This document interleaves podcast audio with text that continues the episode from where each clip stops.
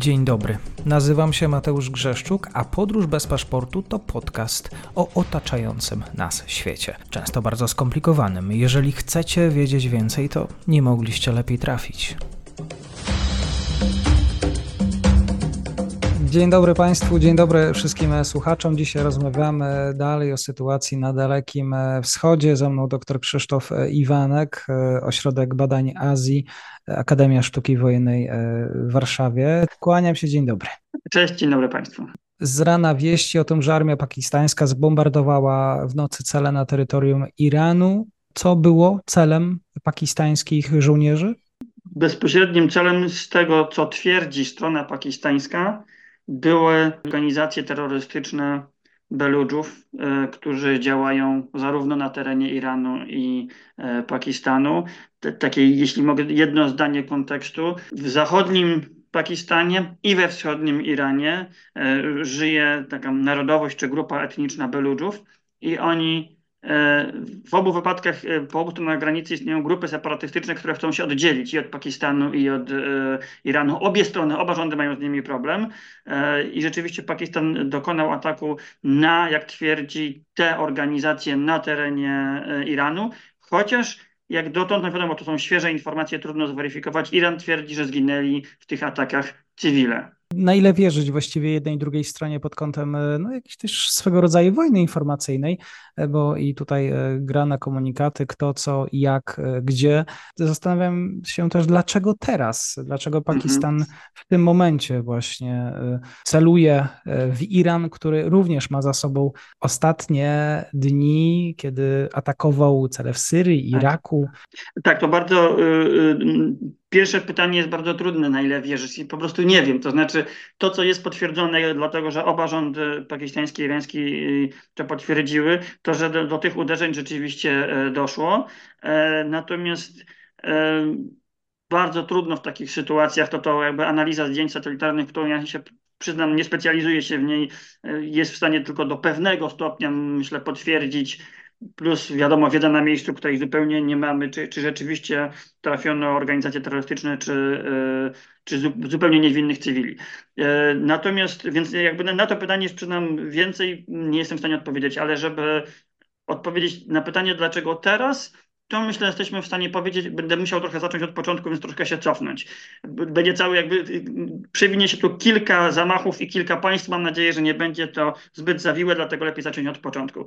Zacznijmy od tego, że niedawno doszło do wielkiego zamachu terrorystycznego na terenie Iranu. Tutaj nie będę się rozwijać w, w jakim kontekście doszło do tego zamachu, bo to byłoby za dużo naraz informacji. Natomiast doszło do zamachu, który najprawdopodobniej, przede wszystkim spowodował bardzo dużo, bo kilkadziesiąt ofiar i najprawdopodobniej e, dokonał go członek państwa islamskiego, z którym Iran, e, który Iran wcześniej zwalczył używając swoich bojówek na przykład na terenie Iraku, więc jakby to pasuje, to znaczy w tym sensie, że Iran rzeczywiście jest wrogiem państwa islamskiego. Również w Syrii państwo islamskie wal, walczyło z reżimem Asada, a reżim Asada wspiera Iran. Więc to jakby, że to, że państwo islamskie uderza w Iran miałoby sens w kwestii tych podziałów.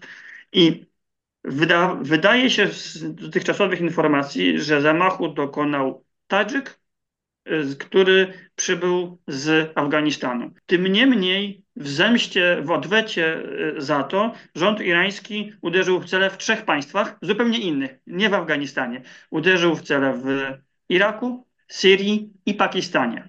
E, co jest zaskakujące, to znaczy nie jest zaskakujące, że Iran dokonał odwrotu. Przy tak wielkim zamachu rząd w Teheranie musiał pokazać, e, e, myślę, że przede wszystkim swoim własnym obywatelom, jak również swoim rywalom na świecie, patrzcie, my jesteśmy w stanie, jeżeli uderzacie w nas, to my uderzamy, w, potrafimy nawet uderzyć w trzy różne państwa w, w krótkim e, czasie, więc bójcie się nas, nie, nie, nie róbcie tego znowu.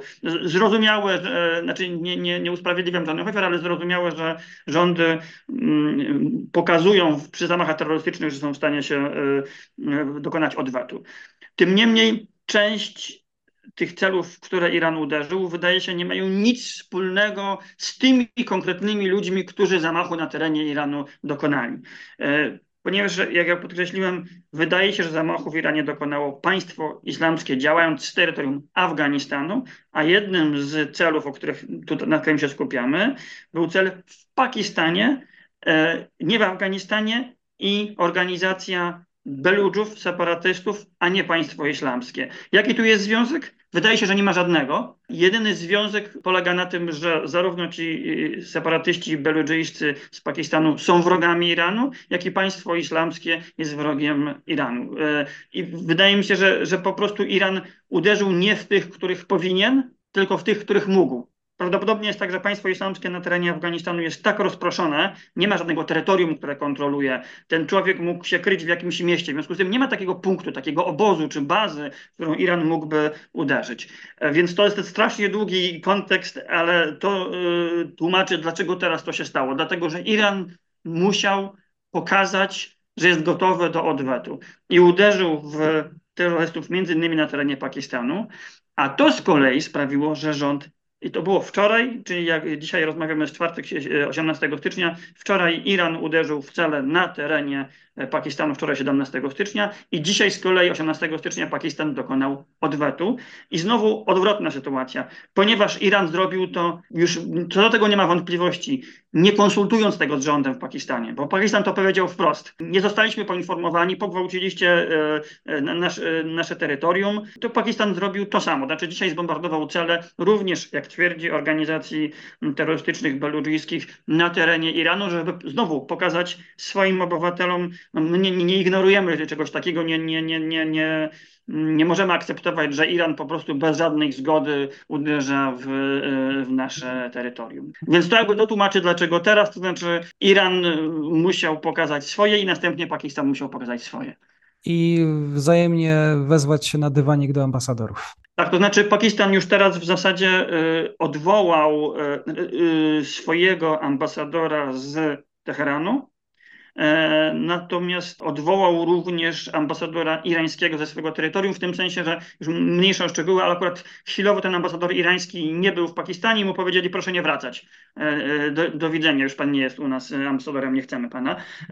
Więc to rzeczywiście jest wydaje mi się największe napięcie, jakie mieliśmy kiedykolwiek od, od powstania państwa Pakistan, mm. jakie mieliśmy kiedykolwiek między Pakistanem a Iranem. To znaczy rzeczywiście to, że mamy tam niespokojne pogranicze, że mamy tych separatystów po obu stronach, to bywała już wcześniej kość niezgody między Islamabadem a Teheranem. Irańczycy już wcześniej mówili, że ci terroryści przenikają z drugiej strony, że Pakistan sobie z tym nie radzi i zdarzały się takie sytuacje już wcześniej, że, że, że uderzano poprzez granicę. Natomiast no, nigdy nie było takiej skali i wydaje mi się, że nigdy wcześniej nie było tak, że Pakistan na atak irański na swoje terytorium odpowiedział atakiem na terytorium irańskim. Więc jest to jakby największe napięcie, jakie, e, jakie ja widziałem. Też dodatkowy kontekst jest taki, że w Pakistanie zaraz będą wybory 8 lutego, więc wiadomo, w takiej sytuacji rząd no, opozycja tego użyje przeciw rządowi pakistańskiemu. Powie, no ale jesteście słabi, dlaczego nie reagujecie? Tutaj Iran się nie przejmuje granicą, uderza w terytorium Pakistanu. W związku z tym rząd Pakistanu no, musiał coś takiego zrobić, żeby w kampanii wyborczej tutaj nie stracić punktów. Mimo tego, że jest obecnie, jak o tym rozmawiamy, sytuacja bardzo napięta między Iranem a Pakistanem, ja myślę jednak, że, że, że niedługo, być może po prostu po wyborach w, w Pakistanie, oni będą dążyć do eskalacji. Pakistan i Iran po pierwsze to nie są państwa sobie wrogie. No, dwa państwa muzułmańskie, co prawda jedno szyickie, drugie sunnickie, ale one nie, nie mają jakiegoś sporu granicznego.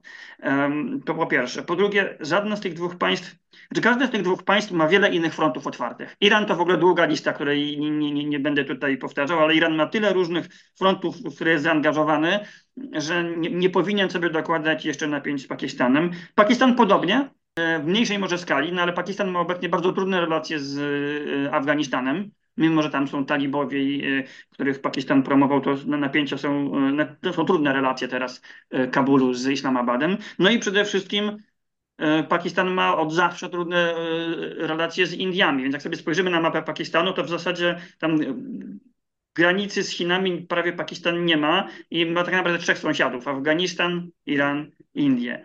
Z tych trzech sąsiadów obecnie Pakistan ma bardzo złe relacje z Indiami, też napięte sytuacje z Afganistanem. Więc jeżeli sobie teraz Pakistan dołoży Iran, to będzie miał relacje ze wszystkimi praktycznie sąsiadami poza Chinami. E, w związku z tym sądzę, że to byłoby nierozsądne z, z, z, perspektywy e, Pakistanu i myślę, że w ciągu najbliższych tygodni, jak ten, trochę te napięcia opadną, jak się kampania wyborcza skończy, będzie dążył do deeskalacji. Wreszcie ostatni powód, dla którego sądzę, że to nie doprowadzi do jakiegoś większego konfliktu między Iranem a Pakistanem, to że jednak mm, pamiętajmy, że to nie siły zbrojne Iranu uderzyły w siły zbrojne y, mm, Pakistanu, ani na odwrót, tylko w obu sytuacjach oni uderzyli w terrorystów. I ci terroryści są tak naprawdę wspólnym wrogiem. To znaczy, ci, to nie jest tak, że tych beludżów Pakistan wspiera, używa ich przeciw Iranowi czy w drugą stronę, tylko mamy separatystów, z którymi oba państwa mają problemy i tak naprawdę oba te ataki on, w pewnym sensie sobie nawzajem pomagają, w tym sensie, że, że, że obie państwa uderzają w terrorystów, dla których dla obu państw to jest problem, ci terroryści. Tym niemniej, yy, czyli kłopotem nie jest to, że, że taki cel wybrano, kłopotem jest to, jak to zrobiono, bez żadnej zgody, demonstracyjnie ignorując wolę i zgodę drugiego państwa. Ale ostatecznie to nie jest powód, żeby na przykład, nie wiem, Iran i Pakistan toczyły wojnę o to, w związku z tym sądzę, że, że jednak oni e, z czasem te nastroje raczej będą obie strony dąży, dążyły do wyciszenia. Krzysztof Iwanek, doktor Krzysztof Iwanek dzisiaj dla Państwa w komentarzu. Krzysztofie, bardzo Ci dziękuję za poświęcony czas. Dziękuję Ci za zaproszenie, dziękuję Państwu za uwagę. Dziękuję serdecznie za odsłuchanie tej audycji. Zachęcam oczywiście do kliknięcia subskrybuj, obserwuj oraz wsparcia mojej pracy na serwisie Patronite. Do usłyszenia.